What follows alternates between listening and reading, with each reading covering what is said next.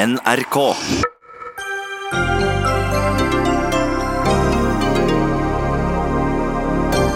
De kjemper om mange av de samme velgerne, Fremskrittspartiet og Senterpartiet. Men lokker de også med mye av den samme politikken?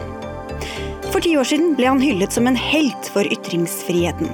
I dag sitter Julian Assange i et høysikkerhetsfengsel i Storbritannia. Han burde få støtte fra pressen, mener Eva Jolie. Vil du lære noe om norsk samtid? Da må du ikke lese norsk samtidslitteratur, mener sosiolog, som kritiserer virkelighetslitteraturen for å være påfallende uvirkelig. Og den berømte restauranten Paul Bocuse mistet én av sine tre stjerner i årets Michelin-guide. Ynkelig av Michelin, mener stjernekokken Eivind Hellstrøm. Naturlig utvikling, svarer restaurantanmelder.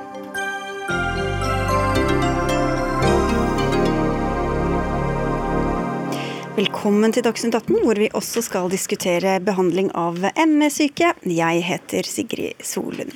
Og snart skal vi få siste nytt om hvem som blir nye statsråder, men først til to som i hvert fall ikke skal sitte i regjering med det første, men som fram mot stortingsvalget neste år kommer til å knive om mange av de samme velgerne, dem de begge liker å kalle folk flest.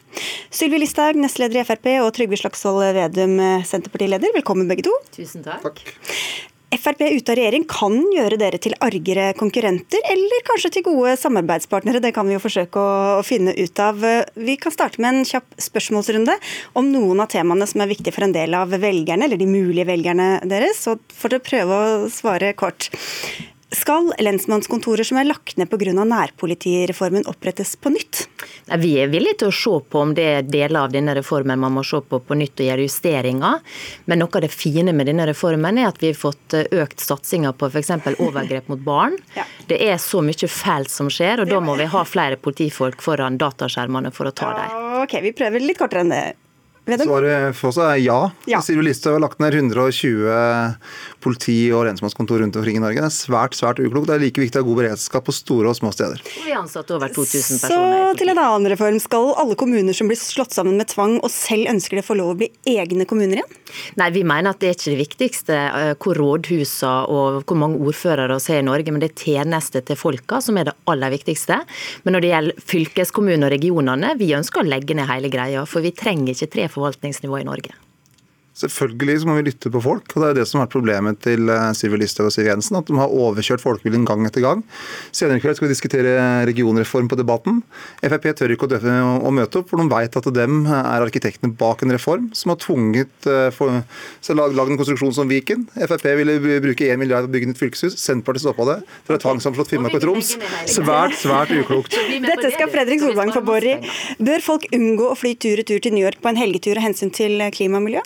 Overhodet ikke. Jeg syns det er viktig at folk får lov til å leve livet sine. Det siste vi trenger, det er politikere som skal sitte og diktere folk. Og dessverre så er det Men nå sånn snakker jeg om hva at folk selv bør vurdere, da. Hva ja, sier du, Slagsvold Vedum? Problemet med FrPs politikk på området er jo at når det Var det det jeg spurte Jo, om? jeg må svare på det. For de har endra avgiftene på en måte som gjør at avgiftene har økt mer hvis du flyr tur-retur f.eks. Bodø-Andøy enn hvis du tur-retur Oslo-New York. Så Derfor har jo den avgiftspolitikken som regjeringa har ført og Frp har ført når det gjelder luftfart, ramma spesielt Ja, men hardt bør, bør, folk, bør folk la være å gjøre det sjøl? Altså, Folk må velge sjøl. Men jeg tror noen ganger de stresses for mye å dra på tur. At det kan like så godt å dra på hyttetur, men det her må folk velge sjøl. Ok, helt kort da. Hva bør en liter bensin og en liter diesel koste? Minst mulig. Og det er jo det som er så fint, at nå skal vi behandle, eller forhandle budsjett framover. Eh, Vi har jo i regjering vært med på å redusere skatter og avgifter med 25 Ja, ja, milliarder ok, kroner, men men vi er ikke fornøyd. Nei, Vi skulle gjerne hatt mer, ok, så nå kommer vi til å være opptatt av det. Ok, I Senterpartiets alternative budsjett så var eh, dieselprisen 44 øre lavere enn ja, ok, Men fortsatt på 15-16 kroner, da. Ja, men så vi, det som vi gjorde, altså Frp og Høyre økte avgiftene mer på ett år enn åtte rød-grønne år. Og økt avgiftene med 6,3 milliarder kroner. og Det rammer spesielt de som har lave og middels inntekter hardest. Derfor er vi skeptiske til en utvikling der avgiftene går opp, øh, og skattetrykket for de som har mest, går ned. Ok, det var den korte runden. Eh, Så verst, da. det var, eh, Men nå kan vi altså, vi, har fått, vi får en ny parlamentarisk situasjon. En situasjon der Frp har sagt at de skal stemme for sin egen primære politikk, og da kan komme til å stemme mot eh, regjeringa.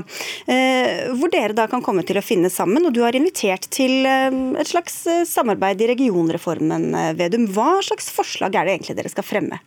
Noe av den kanskje den rareste reformen som denne regjeringa har gjennomført, er tvangssammenslåing av fylker. altså med Finnmark og Troms, der 87% av befolkningen i Finnmark sa nei. Og så en eh, konstruksjon rundt eh, Oslo her med Viken, altså som inneholder Østfold, Akershus og Buskerud. Liksom fra svenskegrensa til, til vestlandsfylket. Altså det er en enorm region, og så er det ingen som ønska den.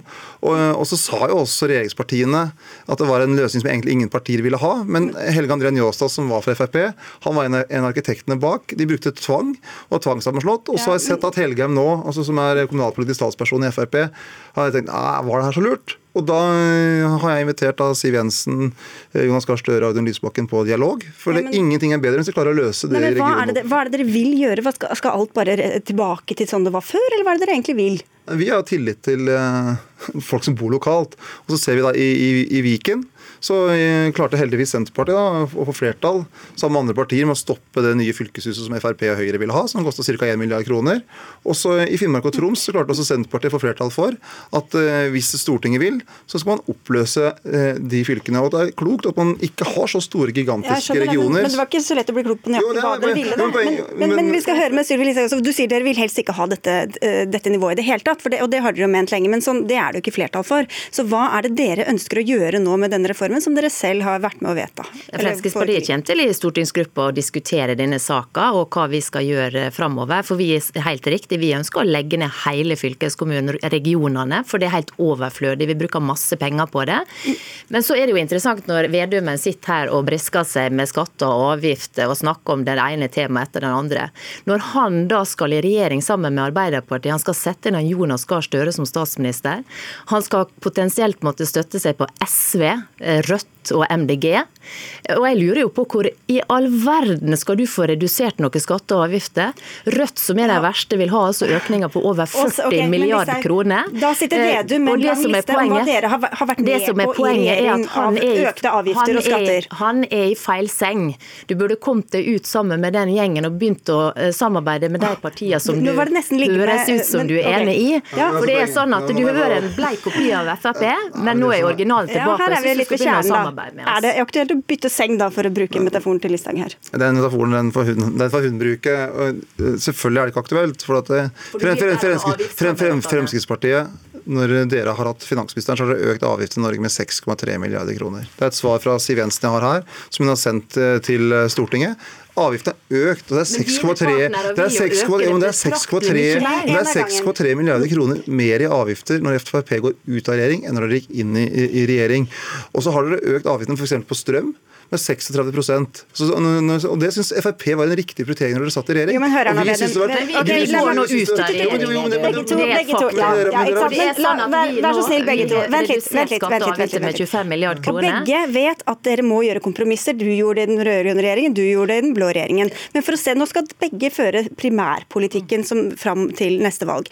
Dere er begge for lavere avgifter på bensin og diesel, mot ny kraftkabel til utlandet, for lavere skatter og avgifter generelt, mot mange bomstasjoner og høye satser der, mot vindkraft mange steder, for en mer restriktiv flyktning- og asylpolitikk. Hva er egentlig forskjellen på dere? Altså, jeg har lyst til å vise, en sak som er veldig okay, Men forhold deg, da, forhold deg da til hva FrPs politikk er, og ikke hva de har gått med på i regjering. Nei, men Da er det ganske viktig å se hva FrPs politikk er. Her er det Tord Lien som var statsråd for Frp. Hva er det han sier? Jo, han er lei av lav strømpris. Etter at, etter, etter at Senterpartiet har styrt politikken, så kommer Tord Lien inn og sier han er lei av lav strømpris. Og så endra Senterpartiet loven da vi satt i regjering, og sa vi endra loven så det ikke var mulig å bygge NorthConnect-kabelen når Ola Borten Moe var statsråd. Så tar Tord Lien over som statsråd, siden han er lei av lav strømpris. Han endrer okay. loven som gjør at det er, men, hvorfor ikke se litt framover, da? men, det er det som men det er det som er Jeg tror ikke velgerne blir så mye klokere av det her. Jeg spør, Hva er forskjellen på dere? Hva er forskjellen på dere, Listhaug? Det er fristende å snakke om Haga som vil gjøre Norge til Europas grønne batteri. Men poenget Vedum er at framover så vil du eh, samarbeide med parti som ønsker å øke avgiftstrykket. Jo, men du må også forholde deg til Senterpartiets altså politikk, Listhaug. Hvis, hvis du vil bli hørt altså bli, Hallo, Hvis du vil bli hørt på Dette blir veldig bråkete fra oss alle tre. Hvis du vil bli hørt på FrPs politikk, så må du forholde deg til Senterpartiets politikk. Og da spør jeg igjen, hva er egentlig den store forskjellen på dere? På deres primærpolitikk? For eksempel så støtter jo Senterpartiet nå hjemhenting av dine IS-kvinner ei kvinne som frivillig forlot Norge, tilslutta seg en av de verste terrororganisasjonene som vi har sett på veldig lenge. Som var der nede og sammen med folk okay, som da støtta drap, terror og alt mulig. Greit, vi kjenner den saken. vi Det, ja, men det er en stor forskjell. Det er enorme forskjeller på Senterpartiet og på Frp. For å ta f.eks. på synet på EU. Når Frp har hatt eh, finansministeren, så slutta vi oss til EUs finanstilsyn og ga fram makt over norsk finanspolitikk fra Norge til EU. Men Frp er jo ikke for EU. Satt regjering, så slukte dere jo også disse Nå må jo de svare for det de har gjort. Altså, det var Siv Jensen som gjorde det. Terje Søviknes, som er da hennes andre nestlederkollega, han var en varm tilhenger av at vi skulle gi fra oss makt på energipolitikken fra Norge til ACER. Og, da, og, og, så er det når, når, når eh, Siv eh, Listhaug i fjor var på landsmøtet til Frp, så var det hun som argumenterte kraftfullt for at man skulle si nei til lokal vetorett på vindkraft, som Senterpartiet eh, foreslo. Og så er det grunntanken. For Frp har hatt en veldig stor tro på sentralisering og stordrift når de støtter regjering. Og så er det problemet at de som har tatt på deres politikk, er vanlige arbeidsfolk rundt omkring i Norge. Der er det karer med, med politiuniformen på, det er damene som vaska gulvet på toget, det er drosjesjåføren som har opplevd større avgifter og mer usikkerhet i livet sitt. Så Senterpartiet ønsker ikke sånn forskjells- og avgiftspolitikk som dere ja. gjør, og så utvikle hele Norge, ikke bare de største byene. Da må du få avslutte lista. Nei, og Vi kommer til å sørge for lavere skatte- og eh, framover. Vi har gjort det så langt, og vi skal få et nytt gir inn nå når vi skal eh, i opposisjon. Men ditt problem er, Trygve, er jo det at du skal samarbeide med partier ja, som ønsker voldsomme økninger. og Det er derfor jeg sier til deg, du burde heller komme til oss og samarbeide med oss. Og så var det sånn når Senterpartiet satt i regjering også, at dere gjennomførte en hel masse sånne EØS-forordninger og alt mulig i bøtte og spann. Men det som jeg syns er rart, er at dere i tillegg ønsker at FNs høykommissær skal bestemme hvor mange flyktninger Norge skal ta. Det skjønner ikke jeg. For jeg mener at okay. Norge skal bestemme det sjøl. Nei, vi burde hatt 40 minutter, men det får vi ta igjen en annen gang. Så får vi se om du tar imot invitasjonen i løpet av det neste halvannet året. Det ser ikke sånn ut foreløpig. Jeg skal ikke gjenta det, jeg skal være respektfull. Tusen takk. Takk skal dere ha begge to, Sylvi Listhaug og Trygve Slagsvold Vedum. Hør Dagsnytt 18 når du vil. Radio nrk.no. Ja, fjo. Gjennom dagen så har vi altså fått drypp etter drypp av hvordan den nye regjeringa vil se ut etter at Fremskrittspartiets statsråder forlater kontorene sine. Noen av departementene Frp hadde må fordeles på nytt, noen statsrådposter kanskje går ut, og KrF og Venstre skal få inn flere av sine folk. Magnus Takvam, NRK-kommentator, det drypper jo stadig, og fortsatt, hva vet vi nå egentlig? Jeg vet ikke hvor jeg skal begynne, men eh, vi kan jo ta eh, KrFs statsråder. Det er eh, de tre som har vært der fra før, fortsetter, pluss da Knut Arild Hareide som ny samferdselsminister. Det er liksom den mest eh, oppsiktsvekkende nyheten der. Og så Når det gjelder Venstre, så har de også fire i denne nye regjeringen. Eh, der er det ikke 100% klart hvilke departementer man får, men slik det ligger an nå, er det Trine, eh, Trine Skei Grande får eh, Kunnskapsdepartementet. Og det blir fortsatt delt. Henrik Asheim fra Høyre blir eh, Eh, minister der for eh, høyere utdanning og forskning. Og så blir begge de to rivalene og maktkampen i Sveinung Rotevatn og Abid Raja kommer inn i regjeringen. Begge kommer inn ja, som statsråder? Og Iselin Nybø fortsetter, men eh, det, Rotevatn kommer i Klima- og miljøverndepartementet. Og altså han blir klima- og miljøminister? Ja, ja. ja. Eh, det er jo poenget her. Er det ny regjering, så da er det statsråder vi snakker om. Og Ola Elvestuen da må ut. Sånn er politikken. Han må da tilbake til Stortinget. Det var ikke meningen å høres så sjokkert ut. han er jo i departementet fra før, det var det jeg mente. Men ja, sånn, nå rykker han til topps. Ja. Og så, så, er det Kultur- og næringsdepartementet til eh, Abid Raja og Iselin Nybø, slik det ligger an, men litt uklart hvem som skal ha hvilket av de to departementene. Det blir en oppramsing her, men du inviterte til det. Altså, Henrik Asheim nevnte jeg i, i høyere utdanning og forskning. Tina Bru, olje- og energiminister. Linda Hofstad Helleland får en eh, jobb som distriktsminister. Det er en nyskapning som vi ikke helt vet nøyaktig hvordan det ser ut. Det må bli ting fra Kommunaldepartementet osv. Så, videre. så det er åpenbart et forsøk på svar på Senterpartiets framgang, apropos det vi nettopp hørte. Ja, Han tok det som et kompliment, sa han Trygve Slagsvold Vedum. Og så er det Geir Inge Sivertsen fra Høyre blir fiskeriminister, som sikkert ikke er kjent for så mange. Han har vært statssekretær for Høyre i det departementet fra før. Monica Mæland blir justisminister, og Nikolai Astrup kommunalminister. Eh, så hans gamle departement, forsvinner det, eller? Ja, Det er litt uklart. Det digitaliseringsdepartementet, eller ministeriet, ligger fra før av i Kommunaldepartementet. Så hvorvidt det bare blir slått inn der, det er ikke helt klart ennå for meg. Jeg fikk en vittighet på øret om at det var blitt digitalisert, så det ja. kan hende at Bent Høie fortsetter som helseminister. Mm. Eh, vi, og Anniken Hauglie går ut av regjeringen. Det er jo en ganske sterk nyhet i og med diskusjonen i forbindelse med Nav-skandalen. Og Torbjørn Røe Isaksen går inn i Arbeids- og sosialdepartementet i stedet for henne. Mm. Vet vi hvorfor hun går ut på dette tidspunktet? Det er jo en tolkning. Noen ser det som eh, å fjerne et problem og det presset som hun har blitt utsatt for. Så når hun da likevel går ut, så, så slipper man den, den eh, biten. Mens det blir begrunnet med at hun uansett tidligere har varslet at hun ikke eh, er valgbar til Stortinget i 2021, og man må ha fornyelse osv. Og, og det er en stor kabal. Så det er liksom den offisielle begrunnelsen, i hvert fall. Og Mest sannsynlig blir dette kjent, altså offentliggjort i morgen eh, formiddag. Men vanligvis så vil de jo holde kortene litt tettere til brystet og ha noen overraskelser på lur til de faktisk blir utnevnt. Hvorfor lekker det så voldsomt nå, tror du?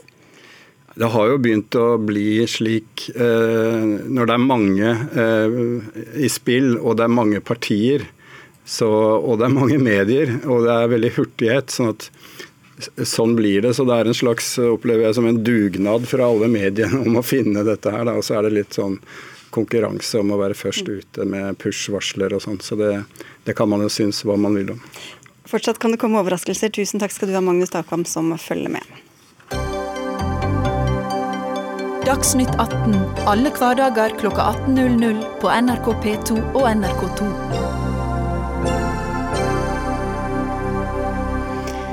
For ti år siden kunne prestisjetunge aviser verden over avdekke både diplomatiske skandaler og overgrep mot sivile under krigen mot terror i Irak og Afghanistan. Grunnlaget var graderte dokumenter publisert av Wikileaks og Julian Assange. I dag sitter Assange i isolasjon i Belmars eh, høysikkerhetsfengsel i Storbritannia. Han ble pågrepet i fjor etter å ha hatt asyl i Ecuadors ambassade i London siden 2012, og USA ønsker ham eh, som kjent eh, utlevert. Eva Jolie, du er jurist, mangeårig korrupsjonsjeger og også politiker. og I en kronikk i Aftenposten så sier du at Assange dør i dette fengselet, og at vår ære dør med ham. Og så peker du samtidig på mediene. Hvilket ansvar mener du de har for dette? Jeg mener jo at det er en sammenheng mellom situasjonen eh, Julian Assange er i i dag, og stillheten som har rådet rundt ham i veldig lang tid. Og det, Den stillheten er veldig forunderlig, for det, det han utsettes for, uh, er helt uh, eksepsjonelt når det gjelder uttrykksfrihet, når det gjelder journalistikk og friheten til kilder. Det er en veldig det er et veldig vanlig problem.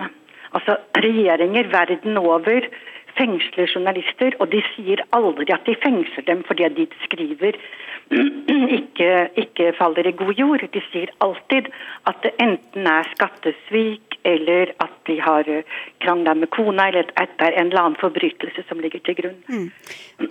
Og han har altså, han har altså CIA har klart å ødelegge ryktet hans. Og det jeg tror er at det tåketeppet som er blitt lagt med vilje rundt ham, den har ikke pressen knekket hull på. Mm.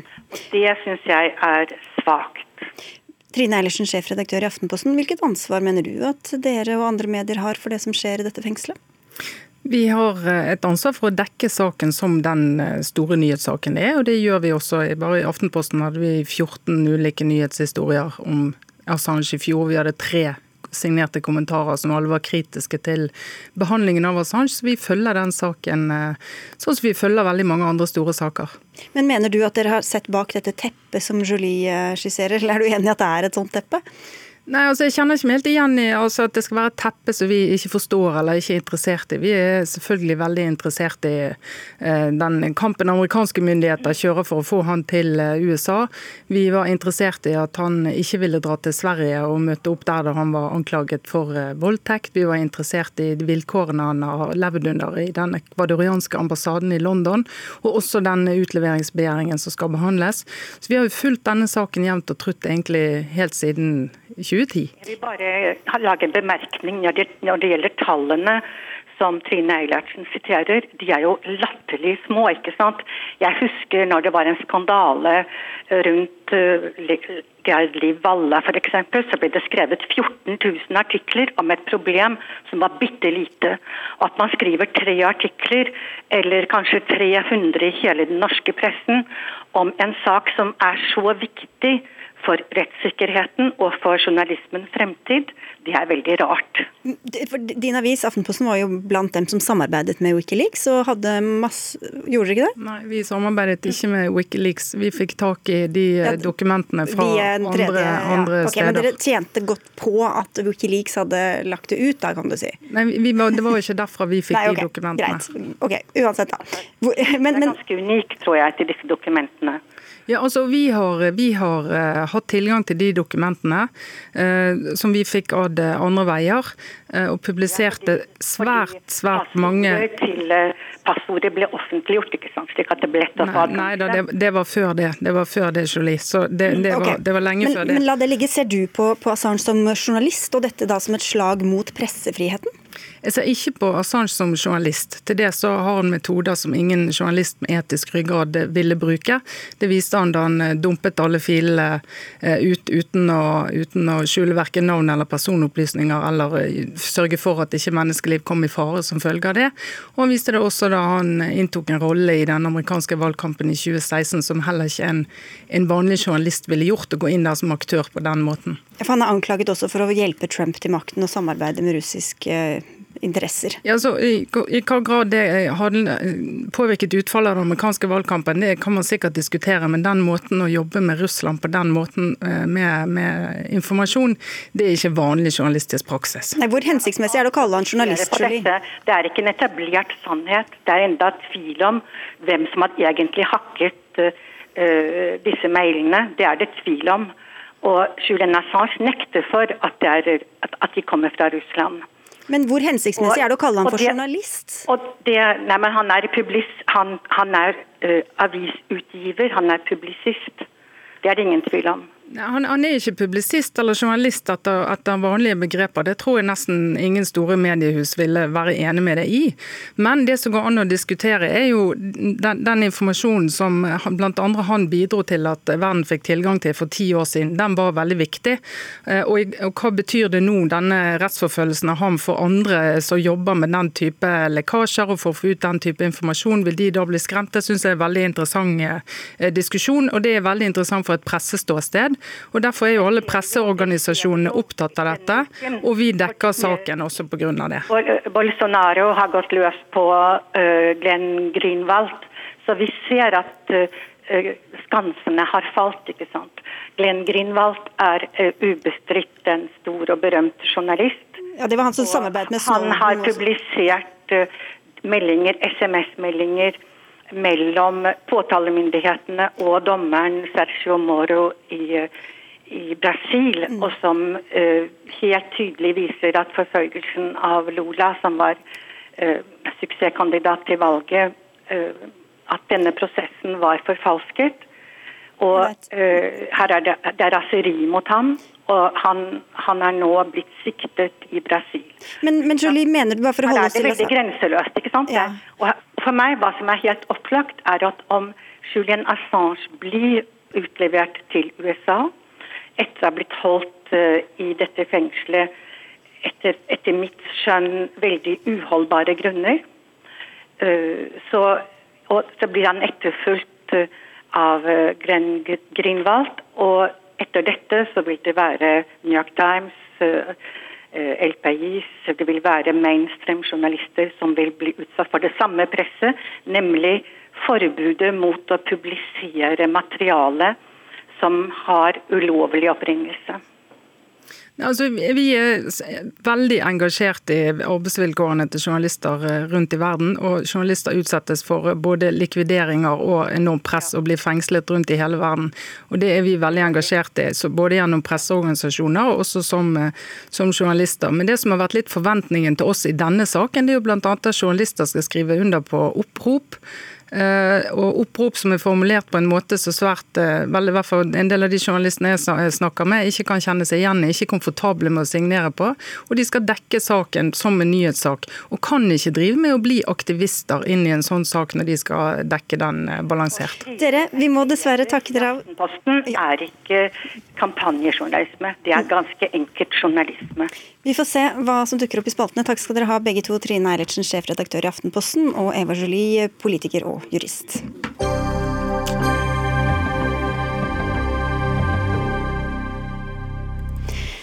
Snart her i Dagsnytt 18 skal vi diskutere ME. Er det det fysiske eller det psykiske aspektet som er viktigst, og hva slags behandling hjelper og hva hjelper ikke. Men nå, hvor mye sier norsk samtidslitteratur egentlig om tiden og samfunnet vi lever i?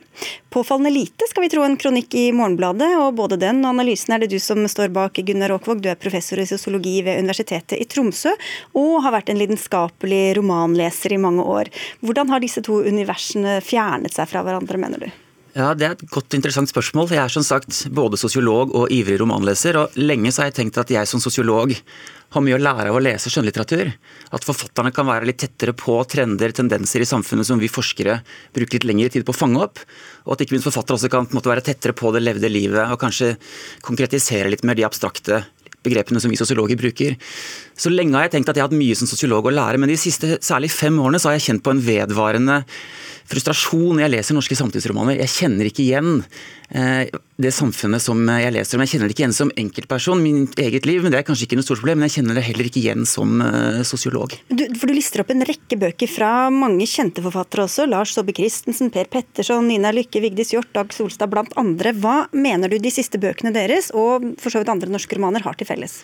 Ja, så Hvis man leser f.eks. Per Petterson, en eh, menn i min situasjon, hvis man leser Dag Solstads siste roman om Bjørn Hansen, eh, hvis man leser en rekke kjente norske samtidsromaner fra de siste eh, fem årene, så vil man se at det er en bestemt la oss kalle det en samtidsdiagnose, en bestemt måte å forstå samfunnet som går igjen.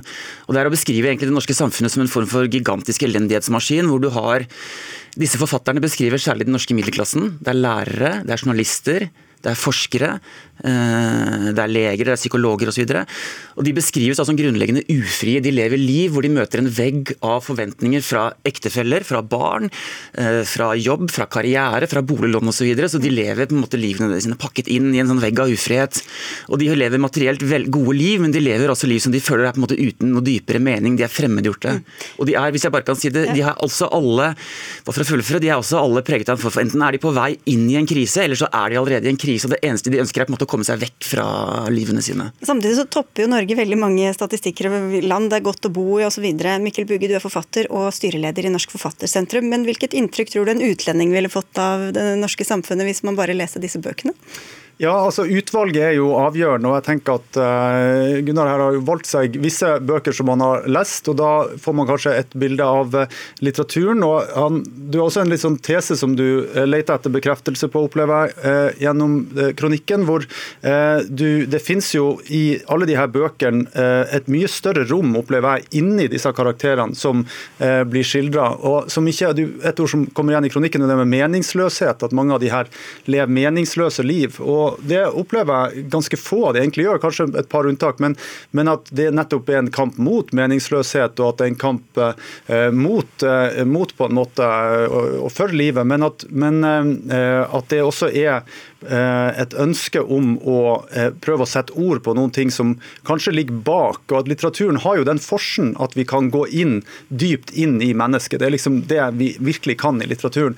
Og jeg tenker Uavhengig av om du er en påtroppende statsråd eh, på Dagsnytt 18 eller om du er en, en flyktning, så du et, kan du ha indre kriser og kaos som kan være svære, bunnløse sluk. og Det eh, kan man finne hos alle. sånn at det, det tror jeg er liksom det er det mye av i, i, alle mennesker. Det er noe genuint menneskelig. Ja, Du kan ha en god jobb og en hyggelig familie, men fortsatt føle på ganske krisestemning inni deg? Ja, altså du kan det, men spørsmålet er er det krisestemning som kjennetegner Er det den psykologiske grunnstemningen til dagens norske middelklasse? Det jeg er redd for, er at samtidslitteraturen nettopp gjennom å skulle på en måte være dype og beskrive disse vanskelige eksistensielle erfaringene, marginaliserer seg selv. At det som er den grunnleggende erfaringen til den norske middelklassen i dag, som norske forfattere skriver om, det er at man lever lange, sunne, gode liv. Man er fornøyd med livet sitt, man er fornøyd med helsa si, man er fornøyd med jobben sin, man har gode, meningsfulle jobber. Eh, man har fritid, man har valg, man har muligheter osv. Altså, det er generelt grunnleggende gode liv. Så det jeg er litt bekymret for, er at det er, sto, at det er viktige, brede erfaringer som store deler av middelklassen gjør seg, som rett og slett blir liggende utematisert i samtidslitteraturen i dag. Og Det er det jeg mener man kan selvfølgelig kritisere mitt utvalg. Jeg pretenderer ikke å ha lest alle det, det er ren svogerforskning fra professoren her. Så det er en form for svogerforskning. Men la meg for bare likevel si at jeg leser et sted mellom 10 og 15 norske samtidsromaner i året. Så i løpet av de siste ti årene så har jeg lest si, si 75 norske samtidsromaner. Så jeg har lest ganske bredt, og jeg leser de fleste av de som får mye oppmerksomhet og som blir trukket frem. Det var et rart regnestykke, men eh, ok. ja, og det er jo også et spørsmål hvem er det som blir trukket fram, og hvem er det som får plass. Og jeg tenker at Et par av de bøkene du trekker fram, er jo satiriske romaner som går veldig langt inn i, sånn som Nina Lykke, som på en måte virkelig dyrker på en måte en viss type frustrasjon, eh, og, og skildrer den eh, på en måte som folk kan kjenne seg igjen i, uten at det nødvendigvis er en én-til-én-beskrivelse av et samfunn. og Det er jo også det litteraturen eh, ofte gjør. Men jeg tenker at det også er forfattere som Linn Strømsborg og andre som beskriver en, en ganske sånn lykke og en, en, en følelse at hører til i middelklassen. Og så har du fattere som tar helt andre tema, sånn som Maja Lunde, som håndterer klimakrisen og på en måte gjør det på brei front og når veldig langt ut. Sånn at jeg tenker at eh, Det som er problemet med denne type svogerforskning, er jo at det blir veldig sånn, det er lett å finne enkelte eh, ting som kan eh, forsvare den hypotesen, men at litteraturen er jo veldig mangfoldig. Eh, og at det finnes det, det er forfattere som uttrykker utrolig bredt og mange, mangefasettert av menneskeliv. Men kan jeg bare spørre, Er du uenig i det jeg skriver? Syns du ikke at jeg setter fingeren på en tendens i norsk samtidslitteratur? Vil du si at det generelle inntrykket man får når man leser de samtidig, viktige samtidsromanene i Norge i dag, er at middelklassen lever gode, meningsfulle, frie liv. Jeg, det syns jeg da altså er svogerforskning, ja vel, men også Altså Svogerforskning betyr at man ikke egentlig har noe grunnlag for å si det, bare spurt kanskje en del Da mener jeg i hvert fall at du kanskje opererer med et lite representativt utvalg av det som finnes av norske romaner. Ja, altså jeg tenker at det er interessant med de her kategoriene med gode, meningsfulle liv versus uh, ufrie, meningsløse liv. Jeg tenker at Det som litteraturen gjør, er jo veldig ofte at den skildrer et komplekst liv, og at det har begge deler. Og jeg er enig i at i Dag Solstads siste roman så er det ganske mørkt. Men, men, i flere av eksemplene som du trekker fram, så er det jo en, en forsøk på å håndtere en situasjon. I Lotta Elstads roman eller i andre bøker så er det jo et forsøk på liksom å, å, håndtere en krise eller en type katastrofe som inntreffer. Men Du sier at du, du leser fortsatt bøker, men da leser du dem som romaner og ikke så mye som interessert sosiolog. Men bare for å spørre til slutt her, da, hvor, hvor gode bøker får man hvis man skriver om liksom det trygge, stabile, kjærlighetsfulle livet? Ja, Det er interessant. og jeg, jeg, tror at, jeg tror at jeg har delvis rett i det jeg sier. Eh, men jeg tror at en av grunnene til at det blir sånn, er at det er vanskeligere å skrive godt litterært om lykke, om det gode liv. Men da tenker jeg at hvis jeg var en norsk samtidsforfatter i dag, skal jeg meg, sette meg ned og skrive liksom den årets 50. roman om hvor vanskelig middelklasselivet er? Eller skal jeg rett og slett heller prøve å sette meg ned og skrive en roman om på en måte et erfaringsrom som veldig få har skrevet om? Om lykke, om selvrealisering, om mening, om velstand. Altså Jeg kan ikke skjønne annet enn at forfattere i dag må se på det som en stor utfordring å kunne prøve å dekke et mye bredere rom av hva norske middelklassen opplever i livene sine i dag. Ja, og jeg opplever jo at de gjør det, men at man må lese bredt. Og at det er mye av den litteraturen som kommer fram, er jo den som du, som du snakker om. Den får ofte plass. Og, og, jeg tenker at det viktige er å få fram bredden. Mm. Det er bare å sette seg ned og lese. Takk skal dere ha, i hvert fall eh, begge to. Gunnar Åkevåg, som altså er professor i sosiologi, og til deg, Mikkel Bugge, forfatter og styreleder i Norsk Forfattersentrum.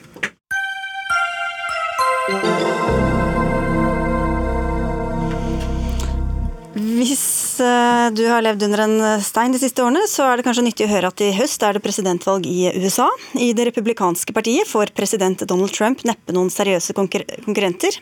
Demokratene derimot står midt i prosessen med å velge sin kandidat til valget.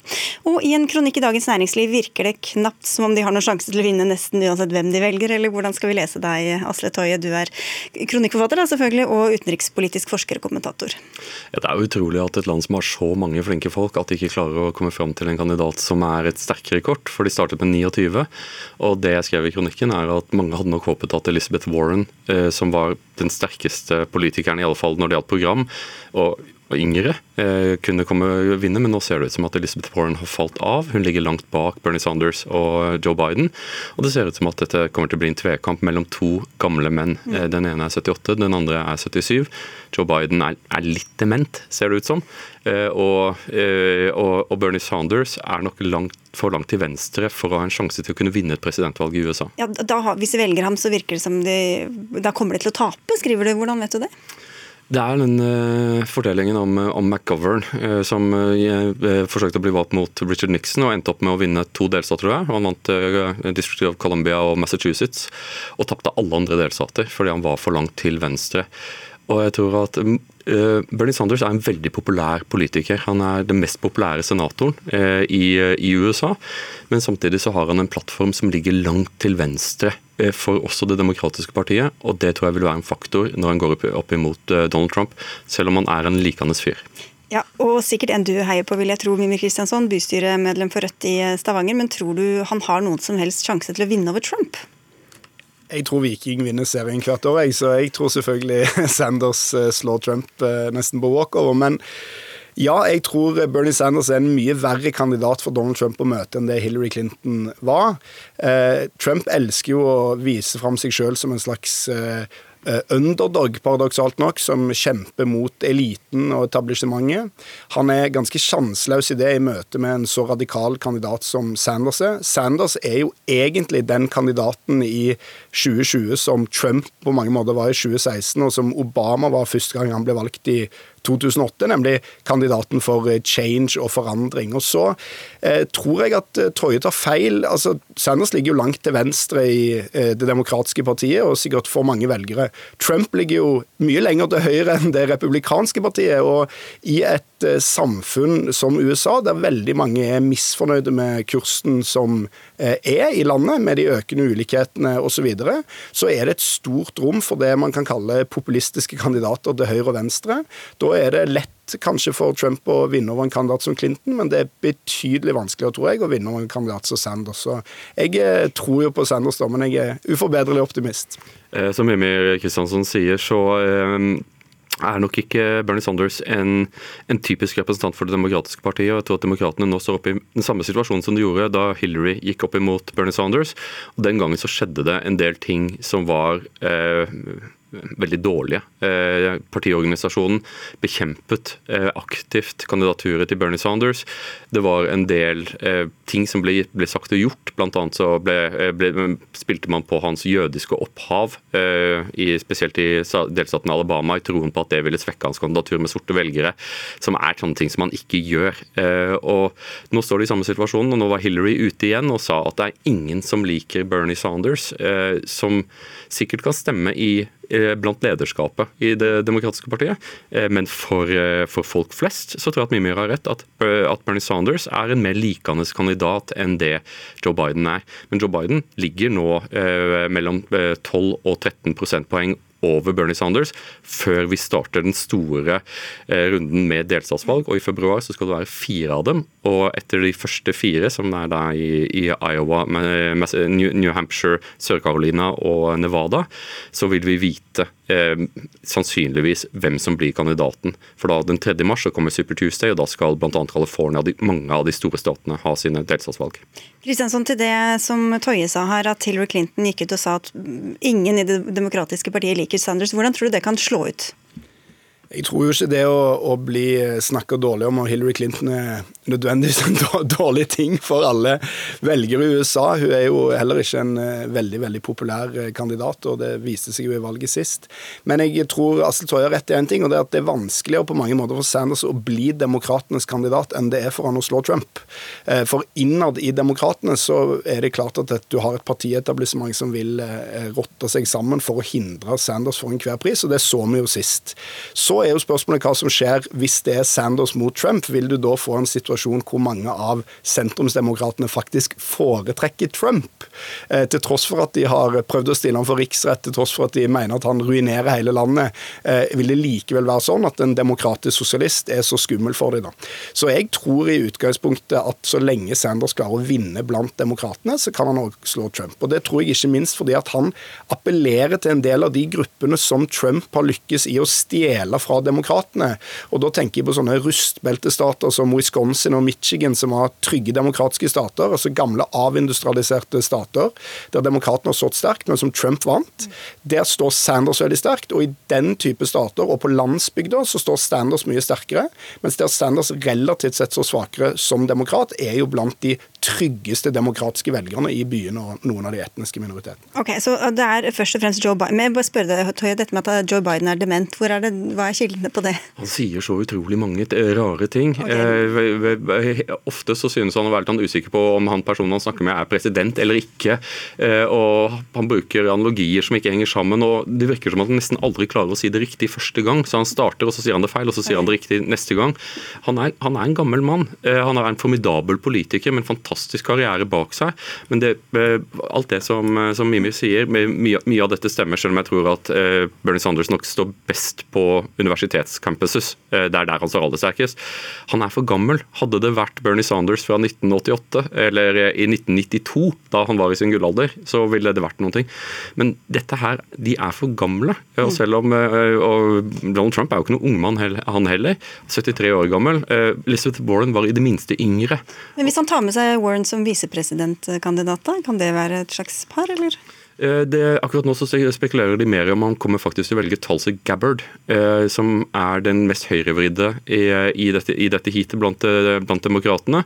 Og at han forsøker kanskje å balansere ut den, den, frykten som den røde fare skaper blant enkelte velgere, ved å ha en, en hauk eh, på, på, på høyresiden. Men det gjenstår å se. Mm.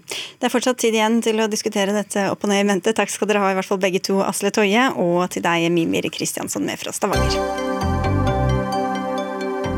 Hør Dagsnytt 18 når du vil. Radio NRK Radio.nrk.no.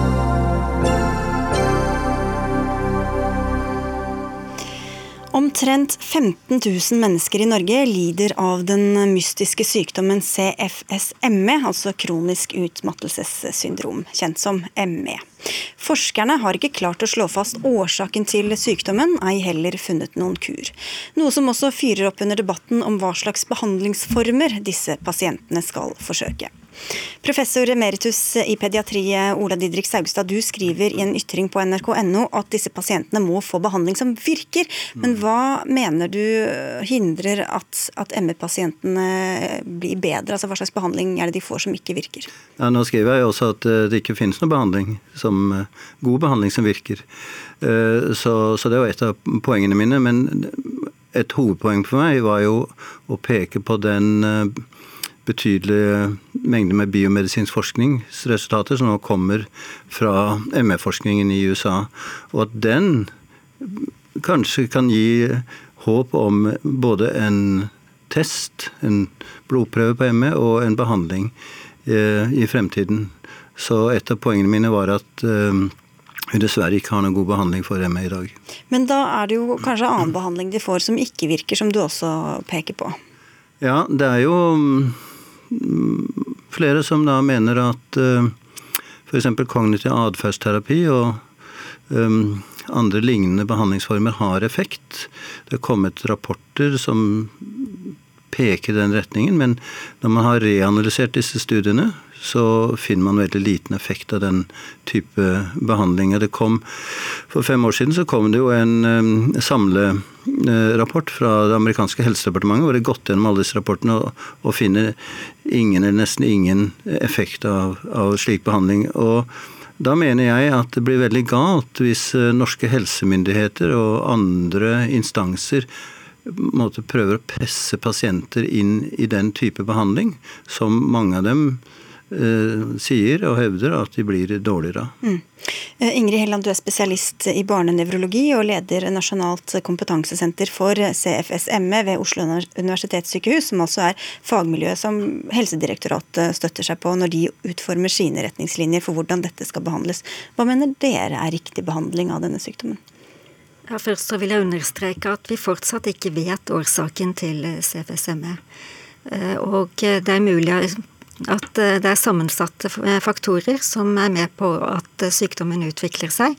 Og vi må være åpne både for biologiske faktorer, psykologiske og sosiale faktorer som kan være med å spille inn, både for at sykdommen opptrer og at den holdes, eller at den vedvarer. Mm. Men samtidig så må jeg jo si at jeg er enig med at det ikke finnes noen dokumentert medisinsk behandling som hjelper pasientene. Ja, for Hvordan behandling man skal gi, avhenger selvfølgelig av hva man tror er årsaken til sykdommen. og Du sier Saugs, at det er viktig å si at det er en fysisk sykdom. Hvorfor er det viktig? Jo, fordi at det passer så godt, mye bedre med pasientenes symptomer, og, etter min mening. Og et annet hovedpoeng i denne eh, kronikken jeg hadde i NRK Ytring, det var jo å prøve å oppsummere noe av de siste resultatene. Og det som jeg syns er, er, veldig spennende, det er jo at det er nå tre studier, to fra Japan, en fra USA, og kanskje flere også, som, som peker i retning av at disse pasientene har betennelser, inflammasjoner, i sentralnervesystemet og andre organer. Og da må man rette behandlingen mot disse symptomene. Ja, og Da kan man spørre seg hva det hjelper med kognitiv behandling, eh, Helland? Ja, nei, jeg, jeg, støtter deg jo på at vi de siste årene har fått veldig mye mer kunnskap om hva som skjer i kroppen ved denne sykdommen. Men, men igjen, vi vet fortsatt ikke årsaken. Og når det gjelder kognitiv atferdsterapi, eh, det, det, er riktig det at det er eh, begrenset effekt eh, av denne formen for behandling. Men samtidig så vet vi jo at psykologiske tilnærminger til alle pasienter med kronisk alvorlig sykdom Eh, kan være til nytte for pasientene. Det kan gi en øket eh, grad av mestring, det kan gi en øket grad av forutsigbarhet.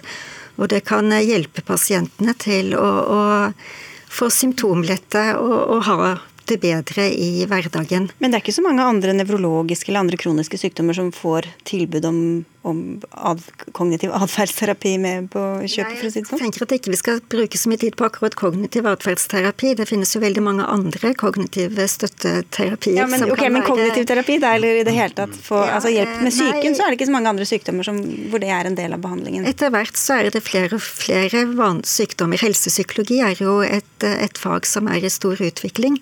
Og vi ser jo at eh, mange pasienter med kroniske sykdommer, det være seg diabetes, revmatiske sykdommer, eh, kols, hjertesvikt. Veldig mange i disse pasientgruppene har stort utbytte av en eh, kognitiv tilnærming. Og så må jeg også si at eh, som ved all annen alvorlig langvarig sykdom, så er det en del pasienter som utvikler både angst og depresjon, og i CFSME-gruppen er det rundt 30% som sekundært til sin CFSME utvikler disse symptomene. Og det er jo viktig at disse pasientene får hjelp i forhold til disse plagene. For å i bedre grad kunne bli, starte rehabiliteringsprosessen. Og så vet vi jo at kroppen påvirker sinnet, og motsatt. Så hvorfor er det så hensiktsmessig å si at det på en måte er, slå det fast som en ren fysisk eh, sykdom? Jo, altså, jeg er ikke uenig med Ingrid Helland at eh, mestringsteknikker kan være til nytte for pasienter, ikke bare ME-pasienter, men mange andre pasienter. Men vi må si at det er mestringsteknikker. Man blir ikke frisk av det. Og det som har vært feil, eh, etter min mening, i, i Norge, det er at pasienter blir påtvunget denne type behandlinger. Og det er gjort eh, store brukerundersøkelser i Norge og England som viser at kanskje opptil 30-50% av disse pasientene føler at de blir dårligere etter å ha blitt påtvunget å gå gjennom kognitiv atferdsterapi. Og vi kan ikke ha en, et samfunn hvor, eller en medisin hvor folk blir dårligere av en behandling som man på en måte blir presset til å gå gjennom. Men jeg har lyst til å legge til jeg er veldig glad for at Helleland Helland støtter meg i, i synet på at uh, disse teknikkene ikke gjør pasientene friske. For det er jo også vært er en av grunnene til at det har vært så mye polarisering. For disse pasientene føler kritikk for at de fortsatt er syke. Man får høre at man kan tenke seg frisk. Det er opp til deg at du er frisk, og hvis du ikke er frisk, er det fordi du ikke vil bli frisk. Og Det er veldig sårende mm. for disse pasientene. Nei, jeg støtter deg at ikke man skal kunne tenke seg frisk. Man kan tenke seg sterk, man kan tenke seg verdig, og det kan være med på å hjelpe en i en rehabiliteringsprosess. Og så tenker jeg også at eh, for at denne form for tilnærming skal eh, ha noe positivt ved seg, så må det jo være en aksept hos pasienten. Mm.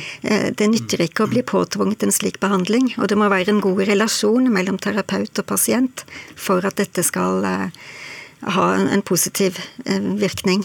Denne debatten har jo pågått i mange år, men er det også farer ved å se på det som en ren fysisk sykdom, tror du?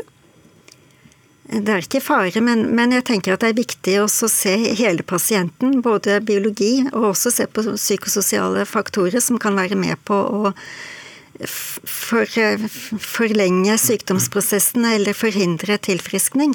Slik at vi ser på alt. Men vi, det er veldig viktig å, å ta hensyn til kroppen. Eh, og sykdommen hører inne i somatikken innenfor tradisjonell medisin, da, ikke innenfor psykiatrien. Men, men, vi må se hele pasienten, og også se på psykososiale forhold. Jeg Et eksempel, eh, for Jeg er enig med skal se hele pasienten. Men hvis du har en pasient som har lungebetennelse, så vet du at hvis du er stresset, så kan immunforsvaret bli dårligere. Men vi begynner jo ikke der. Vi begynner da med å gi antibiotika og behandler den. Og så kan vi støtte pasienten på andre måter. Men det er forhåpentlig ikke en kronisk eh, lungebetennelse, så det er kanskje litt annerledes. Nei, men det er litt parallelt, da. Men, men, du har også et familiemedlem som har ME. Hvordan har det påvirket synet ditt på denne sykdommen, og også hvordan samfunnet ser på den? Ja, jeg har eh, nylig skrevet en bok hvor jeg også omtaler ME og min bakgrunn eh, der. Eh, jeg har lyst til, Siden du spør om det, så har jeg lyst til å understreke at mitt engasjement for ME det bunner seg først og fremst i at jeg gjennom 25 år har møtt hundrevis, kanskje tusenvis av ME-pasienter. Og jeg har sett hvor fæl denne sykdommen kan være, og hvor mye de lider, og hvor, mye, hvor lite hjelp de får av helsevesenet og andre instanser i dette samfunnet. Så det er, det er grunnen til mitt engasjement. Og at de um, forhåpentlig får bedre behandling og medisin og alt som trengs etter hvert, er dere helt sikkert enige om. Vi må takke dere her eh, begge to. Ola Didrik Saugstad, professor eh, emeritus i pediatri, og Ingrid B. Helland, som altså er spesialist i barnenevrologi.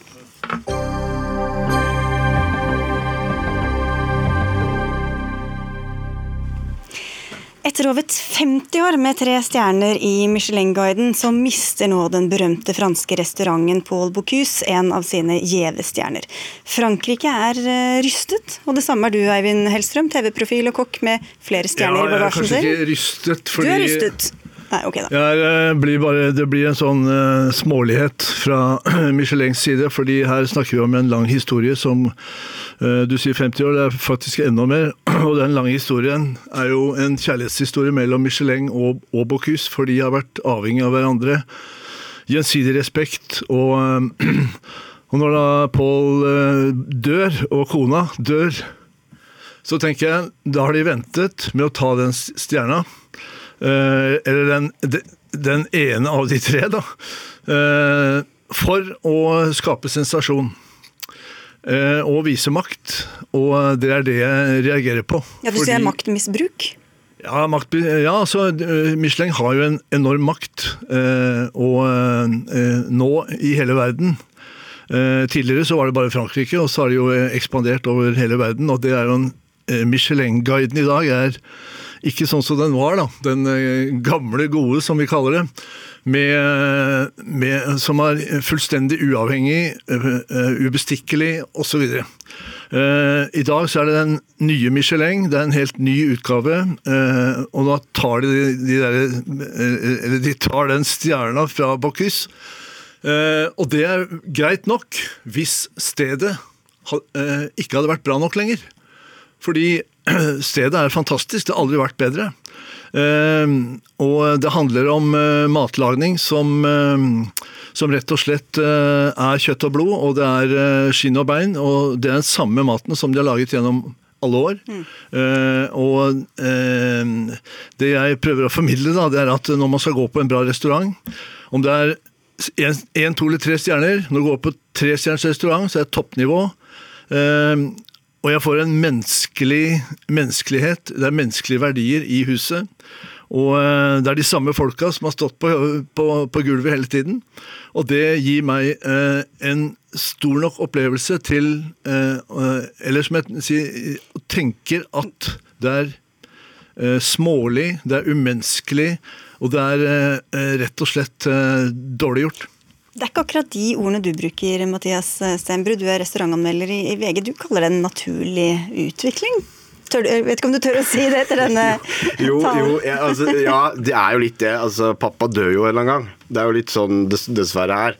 Jeg, jeg, vil jo si at uh, Men gjør det restauranten dårligere, da? Mannen blir jo ikke noe mindre uh, stor av å ikke få stjerner på den restauranten oppkalt etter han etter, etter, sin død, på en måte. Han er, jo, han er jo, som du sier, det er jo gudfaren. Det er han som han er legenden, legenden, legenden i det franske kjøkkenet i det siste århundret. Og, og, men det jeg, det jeg uh, sa, var det at det er jo blitt en ekstremt stor konkurranse på uh, guider på restaurantanmeldelser, på uh, og, og, aviser. Og aviser, ja. og det er litt sånn at man, man, må ta noen valg for å kanskje nå flere folk, eller nå andre folk. Og jeg, jeg tror vel dette er på en måte en av de valgene de har gjort. da.